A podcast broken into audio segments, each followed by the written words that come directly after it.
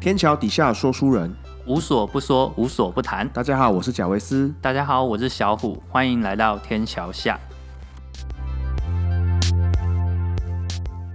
Hello，大家好，我是贾维斯。今天呢是节目的第一集，我特别邀请到第一位说书人，A.K.A 白老鼠，来和大家分享他创业的经过。那从他的经验里面呢，或许可以让那些想创业但没有头绪的人找到一些方向。那即使你没有创业的念头，也可以让你了解一下创业到底是怎么一回事。那创业真的有我们想象中的那样美好吗？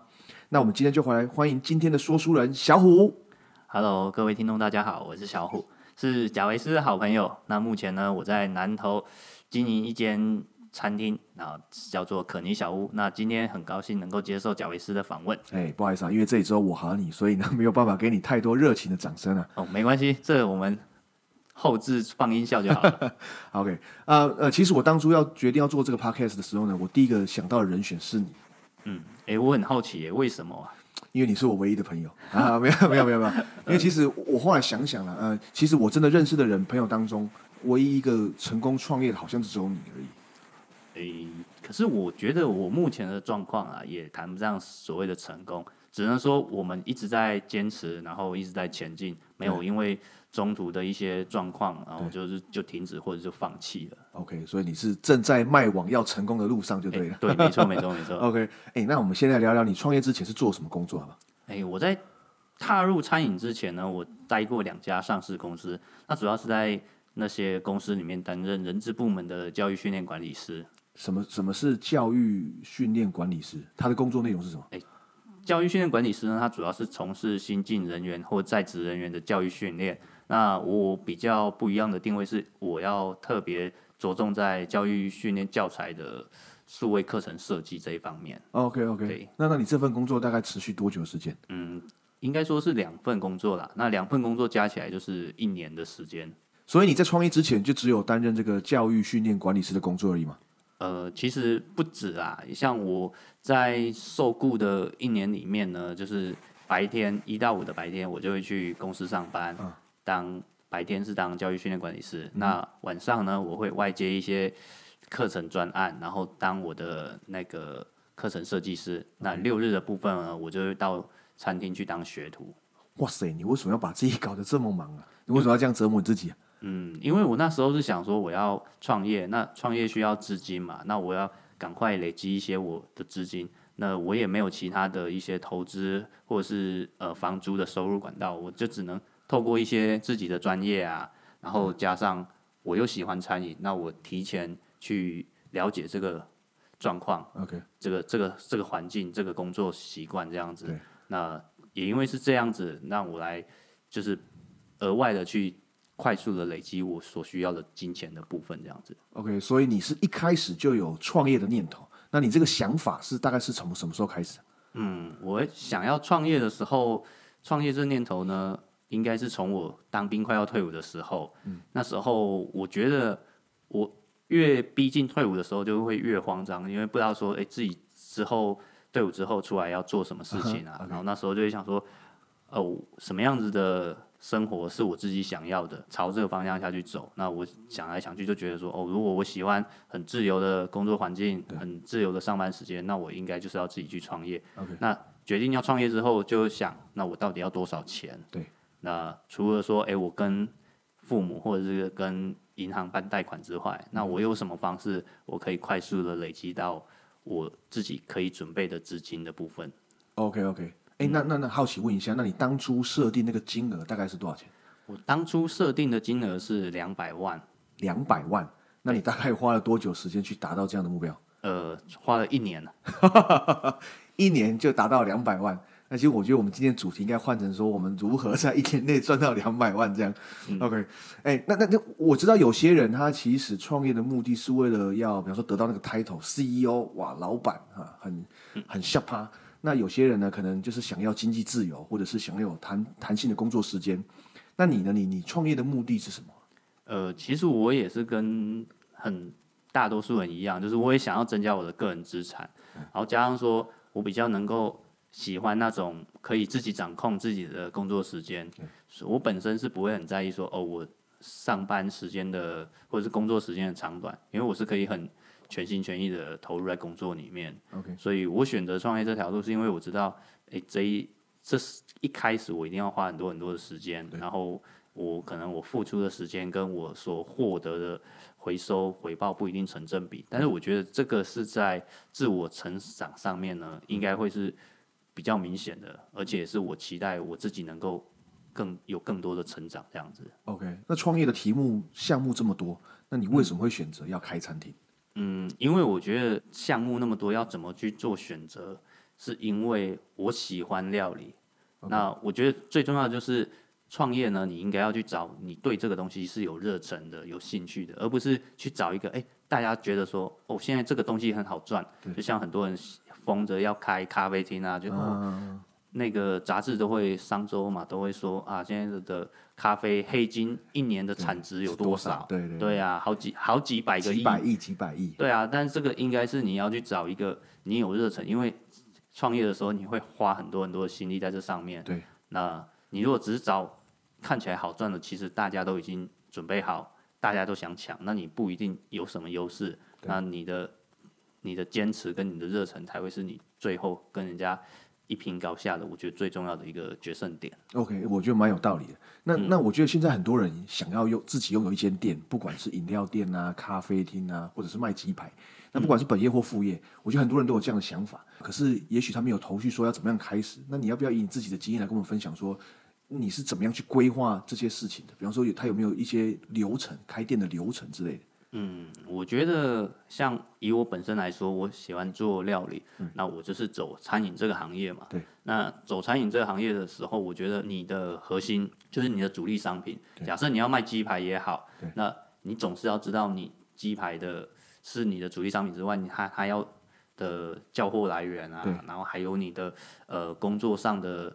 流程 SOP 啊，这要怎么去制作？嗯我觉得这个东西是你最主要的核心。然后再来你说呃呃选地点啊，或者是说我们要去考虑说我要租店面还是要用小餐车，我觉得其实很多。东西都是可以同时进行的，倒是没有说一个很特定的流程啊。你一定要找出你要做的哪一个是你要做的核心项目，这样子。 OK OK，是的，那你说你的店开在普里嘛，对不对？对，没错。是什么让你决定说要开在现在这个地点？我会选在普里的原因是因为大概在六年前的时候，就是我们开店到现在也六年了嘛。对。那在六年前的时候，我们就是有接收到讯息说普里要开发一个新的福星温泉区 OK 然后这个温泉区刚好离交流道很近，对，那各方面的交通都很方便。对。那我就会去开始去寻找说，哎，温温泉区附近的一个商业模式，嗯它是一个怎么样子的呃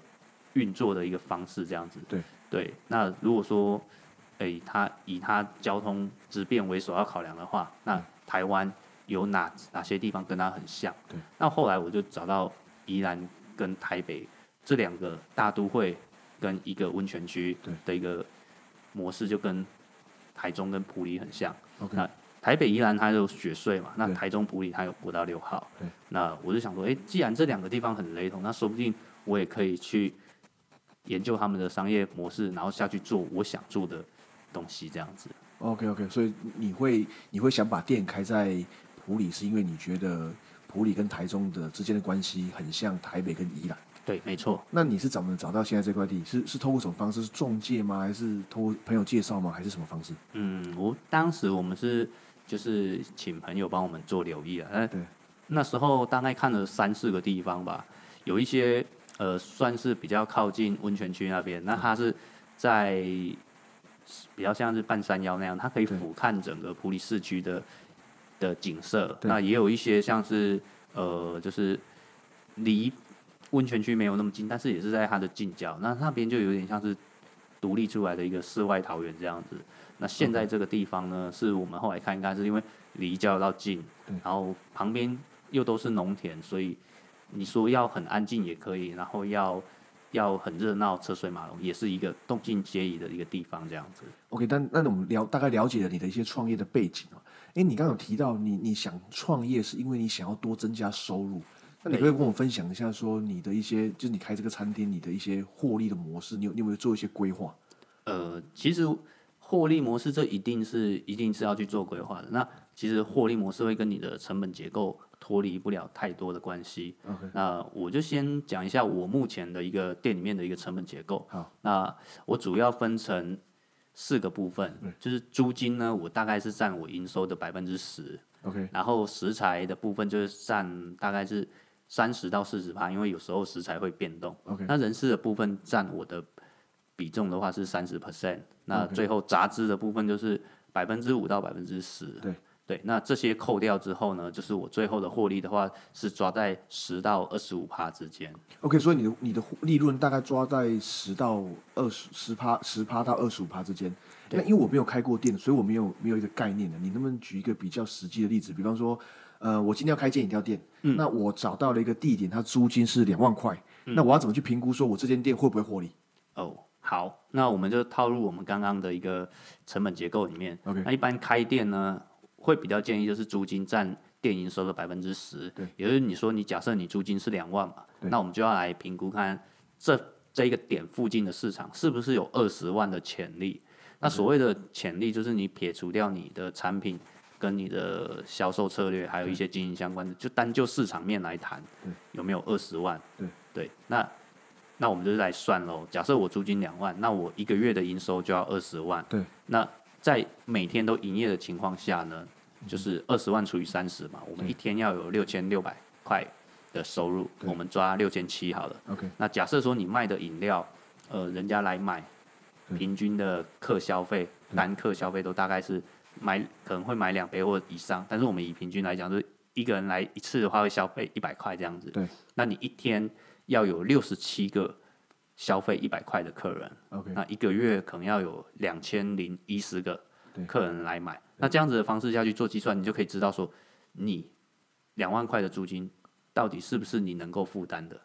OK，对，因为你要把它控制在十趴以内。所以我们应该先去观察那个点的一些人潮，对或，或者是就是先先抓到大概会有多少人来店里面，才能够去去抓你这些租金的成本。对，因为你其实可以做反推啦，就是假设他这边的你看了，诶，其实他的人潮没有很多对，那你的规模又是很小的规模，你可能是微型创业，你可能创业初期只有你一个人，对，然后你用这种方式下去算，你反推回去就知道他开这个两万块到底合不合理。 OK OK 对 OK，那你成本结构，那你说的第一个部分食材嘛？对那关于食材，你是怎么样去采购啊诶，食材的部分呢，我会建议分成三到四类去做采购，这样子。第一个就是我们常用的蔬果嘛，嗯对那蔬果类，我就觉得你不管是在哪一个地区啦，你一定是要去那种就是市集的部分，对对啊，尽量尽量不要跑到那种传统市场，因为那都已经算是小小盘了，那你跟他买大部分都会比较贵。对 OK 你要到比较类似像集货市场上面去买 OK 啊，因为他们每一次买的件数都是一件，对，那一件可能就是三十到五十公斤的量这样？OK 子 OK，什么叫一件？一件就是他帮你打包好的一个一个包裹一个 package 量。哦那它很像，就例如说我们的高丽菜好，它就会把它装在一个竹笼里面嘛对。那它可能那一笼就是三十公斤，或者是就是五十公斤。那很多人都会想说，哎、可是我店的使用量没有那么多，那对嗯我怎么去消化？其实我觉得这个其实不需要太过于担心，因为你你在开店之前，你一定要先了，一定要知道说，哎、你可以从哪里买到这些东西嘛。对那你多花时间去逛菜市场，对你就会发现，其实有很多人想法跟你一样，对只是他们可能也跟你一样没有办法消化那么多，他们也是要，他们也会来找有没有人可以一起合买的人。 OK 对，那你久了之后，你就会发现到这些这些人就好像都是固定班底这样子。哎，可是你怎么去发现这些人？就是比如说，比方说我到我到那个市场，你怎么样去就是陌生开发吗？说，哎，你有想要一起合购蔬菜啊什么之类，就是是这样吗？嗯，对啊，我觉得这因为你你都要创业了嘛，那你当然是不可能因为这种，这也没有说什么好像呃比较丢脸还是比较脸有皮失薄面子 的。其实我觉得这你可以先放着没关系，对因为你只是去询问说，哎，你感觉他们好像是也有也有要买，或者说你无意间听到他们对也在讲这个东西，好像可以买，但是量太多了什对么，你可以去尝试着去询问他们。 OK 对啊，因为你你去问就有机会嘛啊，反正他如果说哦没有，他要自己买，那那就算了啊，总是会被你遇到啊。你遇到了一个，那他可能跟你一样情况，他也有可能有一个或两个朋友对，也有同同样的情况的话，那你们就会瞬间从你一个人会变成三到四个人。 OK OK 对 OK，哎、诶那可是如果蔬果好，蔬果可以这样，可以采这种并单的方式。那可是肉类怎么办？因为有的人，比方说我们采用的肉品不一样，你可能要做猪排，我可能要做火锅片。肉品的部分你要怎么，你会怎么处理？嗯，肉品的部分呢，就看你是要像你说火锅片啊，还是什么？这对个这个，像我如果是用猪排的话，那我比较我就会比较偏向就是温体猪肉嘛。对对对那，OK，你可能会是需要火锅肉片，可能就需要冷冻的猪肉。对，那其实这些在网络上其实都有一些不错的优良肉品供应商。 OK，那就其实这个可以在网络上搜寻，但是你买肉这种东西呢，我觉得啦，嗯还是要以吃过为主，就是你一定要吃过它的它提供给你的肉，嗯，对，因为有时候会有一些东西就是很容易会混鱼目混珠 OK 像是鱿鱼跟鳕鱼啊，它的外形长得很像，吃起来口感也很像。呃，鱿鱼跟鳕鱼有长得很像吗？ 有啊，鱿鱼的油是油脂的油，哦，不是那种八只脚。哦、OK OK，鱿鱼 OK，对，像鱿鱼啊，它它跟我那个鳕鱼吃起来很像啊，但是它相对它便宜很多啊，嗯对，所以有时候你会就会有时候会陷入一个一个一个迷失，就是啊，我要不要因为成本的关系我用鱿鱼？但是我会觉得一定要坚持啊，因为鱿鱼这种东西，它那个油脂吃多了，嗯会很容易会拉肚子，它的那种油脂会让人体产生就是一些怪怪的反应这样子，对啊，所以肉这种东西真的是要建议说，如果你有要做类似就是吃的部分，对嗯餐饮的部分的话，你一定要去自己去尝试过。 OK 然后因为你会去尝试它，所以呃，肉品供应商也不大容易会去帮你做，就是调包还是什么。 OK OK，对自己要先为自己的食材做把关，就是。对，没错没诶那错。嗯我有一个问题，那、那有在料理之前有没有方式去判断肉品是不是重组肉啊？哦，这个其实从煮肉的话，从冷冻的外观上面其实比较不好判断。有的人会说要看什么油花，但是我说以一个料理新手来讲，这个真的是很大的挑战嗯啊。但是我觉得像我的做法就是我会把它退冰，对，退冰之后，像假设说你是火锅肉片最明显，假设火锅肉片是灌水肉啊，嗯对，它只要你退冰之后，它的肉片变得比较破散，或者是它变得体积比较小，嗯那这这都是有比较有疑虑的。 OK，所以是看它会不会破碎来来做一个依据。对对对对对， OK OK OK，嗯，哎、那好，那人事的部分，哎、因为我觉得创业最难的就是有关于人的问题的，对，没错嗯像，是人员的招募啊，或者是人员的管理。那我而且我知道现在好像服务业也越来越不好真人。那因为你在普里嘛，算是比较偏僻的地方，嗯，那你是怎么真人，或者是你在人才的征询上面有没有一些方法？呃，我们在人员的整备上面呢，其实这个这个部分真的是真的是花了蛮多的心力啊，因为我们一开始是用那种人力银行的方式来刊登我们的讯息，像一零四这样，哎、对，没错。但是后来我发现好像行不通，对，是因为当地当地人的求职习惯啊，跟都会地区比较不一样。怎么样不一样？哎、因他们比较少去就是登录人力银行， OK，对，然后他们比较多的会是透过就是家暴啊，或者是门口张贴讯息，或者是当地的那种脸书的粉丝团啊来 PO 这些讯息，都会比你在人力银行发讯息还来得快速。可是这是针对年轻人或还是老人，因为年轻人就像我自己，如果我自己要找工作，我一般我也是上一零四或者是一些人力银行的网站呢、对所以所以在普就算在普里的年轻人，他也是不习惯上这种人力网、人力银行的网站去找工作嘛。嗯，没错没错，我觉得这是地域性的问题啊，就是这个地区的使用习惯，然后可能他们长久以来都是呃找找工作或者是找人才的时候，都是习惯透过家暴啊，或者是粉丝团里面发布讯息或者是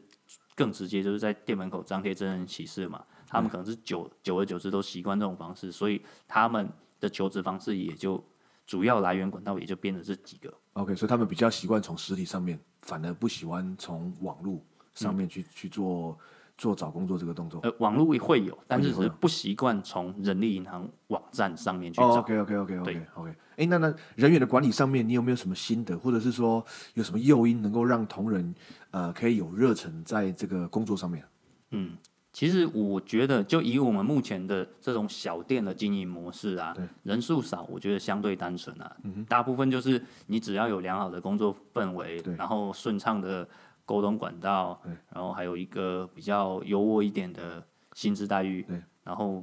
这样子的一个三方面的去营造，其实可以让员工每天都有很好的工作心情，然后也他们心情好，做做事做起来也会格外的卖力。 OK，嗯然后我记得我之前啊，有看过一个管理学的文章，他就提到说啊，一间公司的人事成本对应该控制在成本结构的二十五趴以下。二十五趴以下，对，他说这样子才可以不会挤压到公司的获利。但是我觉得那个可能是他们那个公司规模比较大，对。但是对于我们这种小规模的对这种店，我觉得是这样子做有点没弹性。对。然后在一般我觉得可以让利的情况下对，将一部分的获利对拿来犒赏员工。对。我觉得这也是很棒，而且也是很实质的一个激励，这样子。 OK，那你讲到重点的获利哦，嗯其实我知我们知道做生意最主要就想要赚钱嘛，对那赚钱的前提就是要达到损益两平。对，那那我们应该怎么样找去找出那个损益两平的那个点？嗯，所谓损益两平，它就是顾名思义就是收支要平衡嘛。那如果说在呃固定的支出下，我们这些人事啊、人事费用、食材成本，然后每个每个月的水电费这些，还有房租，这些都是固定的支出。对那在这样子的一个固定支出下，我们就要去想办法去增加收入。然后这个时候，你的客群是谁？他们愿意花多少钱消费，以及你的店里面可以容纳的容客量，还有可以应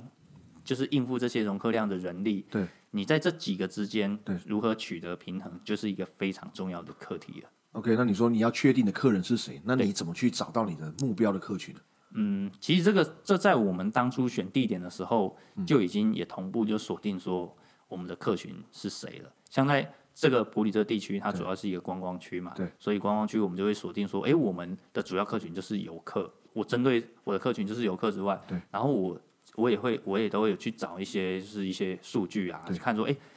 平均国人在旅游的时候，对，支出费用的项目，对，哪一个最多，然后他们会愿意花多少钱这样子。那之前呢有参考交通部观光局的一个统计数据啊 OK 那就是他就说，如果我们出来玩的话，那可能会花费在餐饮的费用的话，就会大大概花费在五百八到六百之间。 OK，对，那这一个以以这样子的一个金额下去抓，说，诶，那如果说是在观光地区，因为它这个它这个没有说很明确的区分，说是观光地区或者说到都会地区， OK，OK 它只是说出游而已啊。所以我就想说，那在五百八左右的这个部分，对，那我们在观光地区，那参考一下其他就是南投啊对各大观光区他们的一个平均的一个饮食消费，对，大概会是在坐落在哪哪一个价位之后，然后我们去抓一个我们觉得我们合理，然后也也有也有利润的一个价位这样子。 OK，所以这个是你定价的一个呃基准就对了。哎、对，就是我会去参考一些比较实质的数据啦哦 OK，去做一些市场调查之后，再来去决定我的定价这样子。 OK，诶那一般人他是会先选择他的客群，再来决定地点，还是说他会先选择他的地点之后再决定客群？嗯，这个我觉得没有所谓的先后、欸，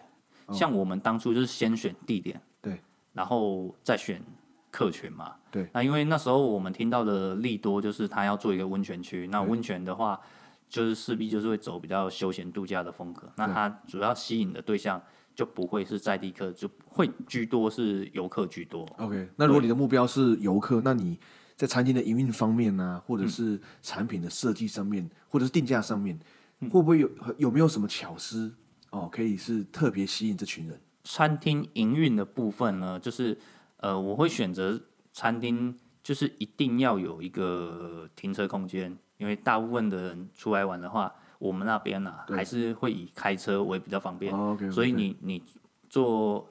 餐饮的话，你一定要让人家有停车空间，然后方便停对车来来来用餐嘛。啊，对，这是很重要。然后定价的部分就是像刚刚说的，我会参考那个各大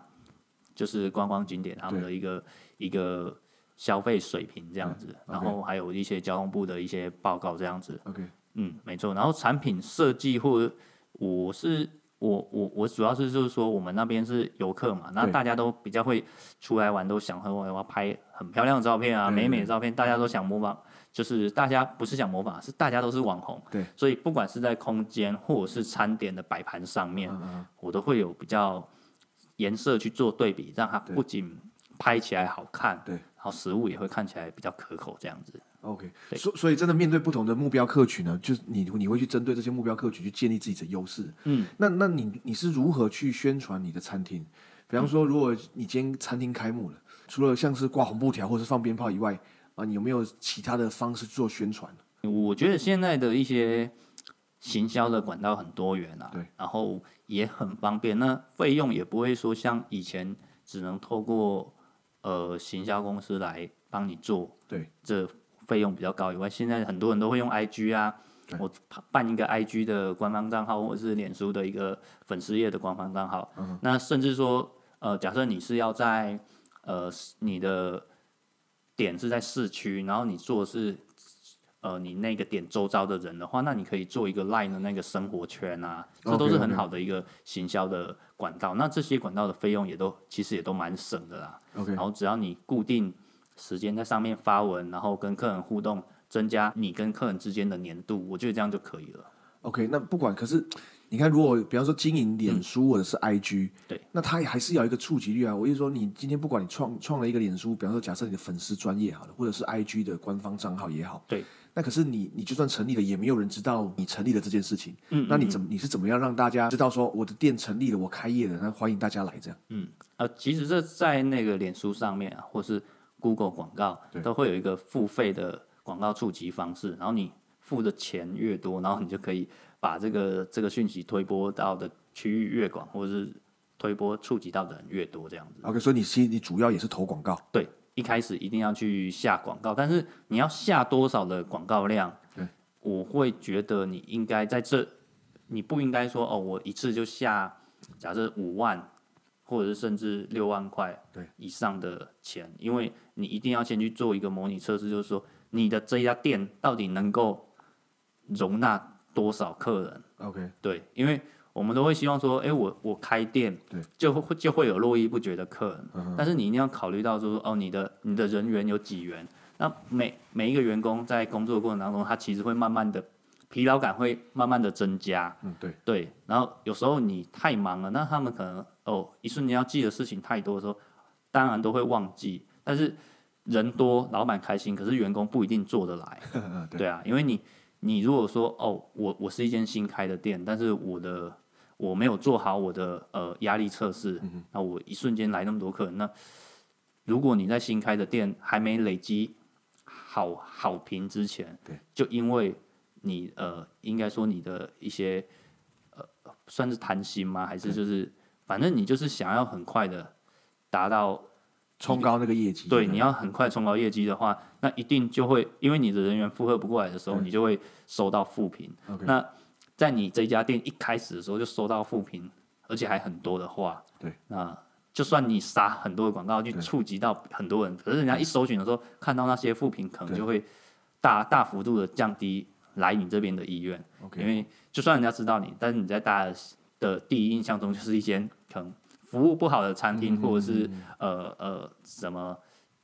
不大，就是什么可能因为你为了追求快速的话，对，那可能你的餐点可能也没有办法再做的那么精致这样子。 OK，所以对所以你建议，如果是餐厅的话，一开始需要试营运嘛，是这个意思吗？来去测试你的店来客的能够接受最大的来客量是多少？嗯，试营运我比较不会建议用试营运的，因为试营运的时候对，你也就也其实试营运是讲好听一点，是你你要再去做调整嘛。但是试营运的时候，人家也可以已经可以开始对你做评分了。哦所以我 OK，OK 会觉得，在你正式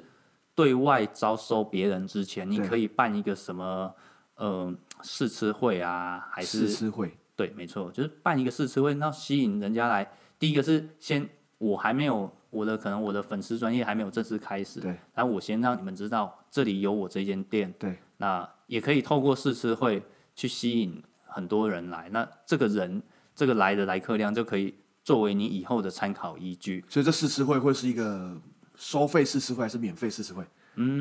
做我觉得可以做免费，或者说收取一个基本的一个比较少的金额，就可以享用到很多种餐。比如说我我收入入场费收一百块，但是我可以吃很多道很多道东西。 OK，类似把费那样的概对，念。哦没错， OK 没 OK 错，没 OK。错。哇，这个建议真是非常宝贵的经验的，因为其实一般人像我，我就不会去想到说，哇，还要再去办一个试吃会来测试自己的餐厅，呃，它的负荷的程度了。嗯，你是有在上面吃过什么亏吗？还是有什么惨痛的经验吗？哎、这应该说起来，就是我们之前在台中有开过一间餐厅，对，然后因为在台中餐厅，就是因为没有去做这件事，然后导致说客人瞬间爆大量来，然后我们也没有也没有做好就是进餐厅的人员的管制，对所以我们造成一个三输的局面，对，嗯就是三输就是哦，一个就是客人嘛，客人因为等餐太久，对，产生不愉快，对。然后再来就是因为瞬间的爆大量，导致导致说，哎，我们出餐的顺序，对，就是有有些员工可能因为忙，然后一下子就忘记，嗯然后外场的人员就被被客人客诉客诉嘛，然后内场的员工也因为餐点制作顺序上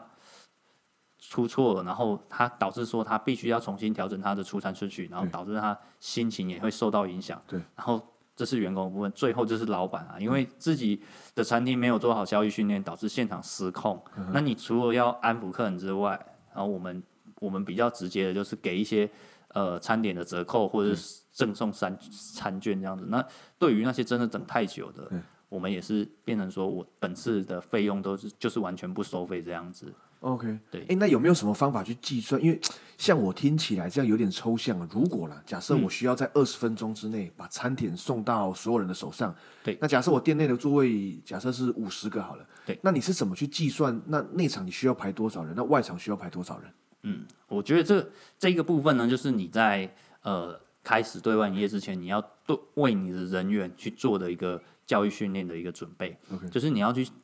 建立出你的一个呃流程的 SOP，就是不管是出餐或者是外场的一个工作流程。对，那在你讲到说我要二十分钟内把餐点送到客人的手上嘛，对，那你有五十个座位，对，那我们就要先去抓餐点制作的部分，对，那我们就会抓说，哎、我假设经过我测试，我的主餐呢需要十五分钟，对，那是那是不是我只剩下五分钟的时间可以去处理我的前菜跟饮料的部分？对，然后这个部分还要再扣掉说，哎、我我送餐的时候走路的时间嘛 OK 所以如果把这些算在一起的话，我就会觉得说，哎、你平日你五十个座位嘛，那你平日的话，你可能呃瞬间五十人，我觉得你在前面就是处理前菜跟饮料的部分，你可能要安排两个人。 OK，对，然后假日的话，可能就是变四个人这样子，因为假日的客人，你这个瞬间五十的人数可能会一直一直增维加持在，哦对 OK OK，就是可能你你最多就做五十个嘛，对，但是你平日可能就是那一个瞬间是五十个，但是你假日可能就是持续在五十个这对样，啊持续在五十个， OK OK，但你就不可能用平日的人量了，哦对因为你要需要出餐嘛，对，那一定会有把材料用完的时候，所以一些人你要安排在备料的部分，嗯边出边备料， OK 对，然后再来就是你必须要去，呃，人员呐、也要教导他怎么去善用所有的时间，对因为当你做完这个事情的时候，对，他要可以去协助其他人，对，去做摆盘啊，或者是去做其他出菜的动作，对，对啊，就是要去教导他们做，你设定出来。出来一个 SOP 之后，但是你也要教他们去活用这个 SOP，对就去让他们去把时间做最有效率的一个应用，这样子。 OK，所以听所以听起来餐厅的一些流程跟动线好像感觉非常的重要，可以哎对没错关系到你出餐的速度啊，还是人员的调配都是蛮有影响的。嗯，那关于餐厅的经营，你在经营这间餐厅的时候，你有没有一些呃像是经营理念或者是你的坚持？经营的部分呢，其实我们理念也都很简单啊，跟大部分做吃的都一样，就是我要让客人吃的很安心，对，然后再来就是来我们这边用餐的话是可以很放松的。对于安心这个部分呢，就是我们在食材上面的坚持，虽然说我们的呃价位会高一点，但是相对的我们也是反映在食材上面。 OK 然后来我们这边用餐要很放松的话，我们就是透过我们的环环境营造，对，然后我们我们就是第一个就是很多餐厅都有用餐时间的限制，对然后我们就是先取消这个用餐时间限制，然后让客人可以在我们这边慢慢的品尝 OK，嗯我们的食物，然后也可以顺便看一下我们周遭的，因为我们周遭没有很多建筑物，对，没有高大的建筑物，你可以看看周遭的好山，周遭的一个好山好水，对，然后也可以让小朋友在我们的庭院里面玩，这样都没关系。 OK，对哎、这其实我本身自己有去你的餐厅吃过，嗯，我知道你的食材是真的是用的比较好，对那但是你食材用的好，成本就会高，那成本高的话，那售价势必也就高。那这嗯样，你的目标客群会接受这个价格吗？我觉得这个价格的部分就会回到我们一开始的一个目标族群的设定。嗯那因为我们一开始经营的时候，我们就想说，我们是主要是做游客嘛，对那游客大部分都是外来客，然后我们就想说，那我就是从外来客慢慢的做回普里本身的一个这个在地在人地的部分。 ，OK，对，然后你说我们售价高，但是我们售价高是因为我们把所有的餐点对都组合成一个套餐。对，啊，像我们的餐用下来，你就会发现我们有餐前的水果沙拉、啊，然后还有我们的前汤的部分，它是用中药材下去熬的一些汤品，然后再来搭配我们的主餐，然后还有我们饭后的一个甜点跟我们饭后的饮料。对，这样子，呃，我们总共是五个产品项，就我们的售价四百块来说，你把它拆开来算，其实也是还好。假设如果你用单点的点满这些，对对，其实算起来价格其实不会比较高。那我们为什么要把它做成套餐？对，就是因为人力配置的关系。对，我们要避免点餐的时候产生太多的混乱状态，所以我们才会只做套餐这样子。 OK，所以有些时候你售价高一点没有关系，但是需要让你的客群觉得有点物超所值的感觉。哎、对，没错没错，就是因为你吃东西，你一定一定会有比较嘛。然后对我可能吃卤肉饭，对，哦，我控霸崩七十块对，然后我又去买一杯什么冬瓜珍珠鲜奶，对哦，可能也要七十块。对，对啊，那我又又又我又想喝一个苦瓜排骨汤，可对能要花五十块。我又想再吃一个甜点，对，我又想再吃一些水果的对话，那你这样其实你单项单项加起来， OK，其实我们的价格在竞争力上其实也不会差太多就啦。是也没有比较高，就对了。对对对对。 OK OK，好，今天真的很谢谢你跟我们分享了自己创业的这些过程啊。我觉得有很多东西，如果不是像你一样有去亲身呃亲身经历的话呢，真的是没有办法想象的、而且你有给我们一些宝贵的经验还有建议哦，我觉得可以让很多想要创业的人少走一些弯路。也祝你的事业能够稳定成长，然后说不定我们还有机会再听听你其他不一样的故事。哦，OK 啊，没问题，没问题。 OK，那如果你今天你喜欢今天的内容呢，或者是想要听到更多人讲他自己的故事，欢迎来订阅天桥下，或者是追踪天桥下的脸书和 IG。那如果你想给我任何建议，也请留言告诉我。那就再次谢谢乔五哦，还有正在收听的大家，谢谢，嗯，谢谢，拜拜拜。拜。如果你喜欢我们今天的节目内容，或喜欢我们这个频道，啊、欢迎你订阅我们。那如果你有任何想要发表的意见或想跟我们讨论的，也留言让我们知道。